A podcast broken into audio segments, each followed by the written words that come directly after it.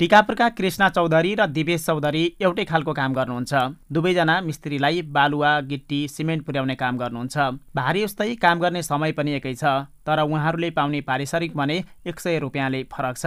महिला भएकै कारण तपाईँले एक सय कम पाउनुहुन्छ भनिएको छ तर त्यसो किन भयो होला? कृष्ण चौधरीले थाहा पाउन सक्नु भएको छैन। अहिले मेरो आठ वर्ष जति भयो दुई सयमा सुरु भएको थियो। बढ्दै जाँदा बढ्दै जाँदा अहिले चार सय साठी रुपियाँ छ। खोजी त्यही हो बराबर नै भए झन् राम्रो हुन्थ्यो भन्ने विचार हाम्रो पनि हो। अब खै अब पुरुषलाई र महिलालाई किन पो छुट्याइन्छ काम त बराबर गरिराख्छौँ। रेट चाहिँ बराबर हुँदैन हाम्रो। रेटमा चाहिँ फरक छ। महिलाहरू पनि पुरुष सरह बिहान सबेरैदेखि साँझसम्म काम गर्छन् तर ज्याला पाउने बेला पुरुषले बढी पैसा बुझ्दा नमिठो लाग्ने गरेको कमला देवी चौधरी बताउनुहुन्छ। काम गर्दाखेरि पुरुषलाई पाँच सौ रुपियाँ दिन्छन् त महिलालाई चार सौ रुपियाँ दिन्छन्। हामीलाई पनि त एउटा मार्का पर्यो। हाम्रा बालबच्चा कसरी हामीले पनि पढाउने हो लिखाउने हो? एउटै काममा समान ज्याला नपाउँदा कमला कृष्ण जस्तै सयौं महिलाहरू छन्। थाहा पाएर पनि काम गर्नु उनीहरूको बाध्यता हो। असमान ज्याला मजदुरहरूको नियति बनेको छ। श्रीमान श्रीमती एकै काममा लाग्दा कामको ज्याला भने एक सय रुपियाँले फरक पाउने गरेको टिकापुरका दिपेश चौधरीको भनाइ छ। सुरुमा पहिला चार सय पायो अहिले पाँच सय छ। अब एउटा हुनुपर्ने थियो अब अलग अलग अब महिला पुरुषमा अब बेग्लै गराइदिएछन्।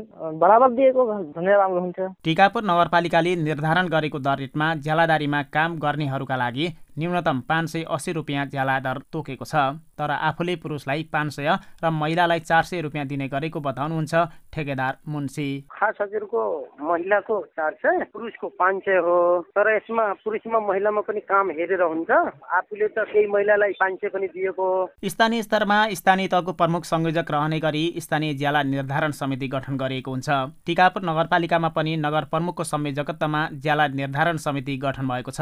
त्यो समितिले निर्धारण गरेको दर रेटमा पनि एउटै प्रकृतिको काम गर्ने महिला र पुरुषलाई एउटै ज्याला तोकिएको छ। टिकापुर नगरपालिकाका नगर प्रमुख तपेन्द्र बहादुर रावल कार्यक्रम हाम्रो पालिकाले उठाएको सवालपछि अब एउटै ज्यालादार लागू गराउन विशेष कदम चाल्ने बताउनुहुन्छ। कतिपय ठाउँमा अब यो असमानता देखिएको छ। असमानता भन्दा पनि अब हामीले तोकेको रेट भन्दा उनीहरू आफै मन खुसीले अथवा भनौँ आफै चाहिँ सम्झौताको आधारमा गर्ने खालको कुराहरू हामीलाई पनि बेला बेलामा जानकारीमा आएको कुरा हो। अब हामी सम्बन्धित पक्षलाई अब त्यो अन्तकर्मी भन्ने चाहिँ कुकोहरू छन् होइन। तिनीहरूलाई एकचोटि बोलाएर हामी उहाँलाई यो विषयमा जानकारी गराउन अथवा अब हामी कहाँ फेरि कुनै त्यस्तो खालको लिखित उजुरीहरू हामीलाई यसो भयो भन्दा पनि आएको छैन। अब हामी कारवाहीमा जाउँ प्रोसेसमा जाउँ भने पनि या त त्यस्तो खालको लिखित उजुरी कुनै आइदिएको भए अथवा मौखिक उजुरी पनि आइदिएको भए हामीले बोलाउन सजिलो हुन्थ्यो। नेपालको संविधानको धारा अठारमा सबै नागरिक कानुनको दृष्टिमा समान हुने कुरा उल्लेख छ। त्यसै धाराको उपधारा चारमा समान कामका लागि लैङ्गिक आधारमा पारिश्रमिक तथा सामाजिक सुरक्षामा कुनै भेदभाव गरिने छैन भनी उल्लेख गरिएको छ। तर लेखिएको त्यो कुरा व्यवहारमा कार्यान्वयन नहुँदा महिलाहरू अझै विभेद भोगिरहेका छन्। Ishwar Saud CIN Tikapur FM Kailali.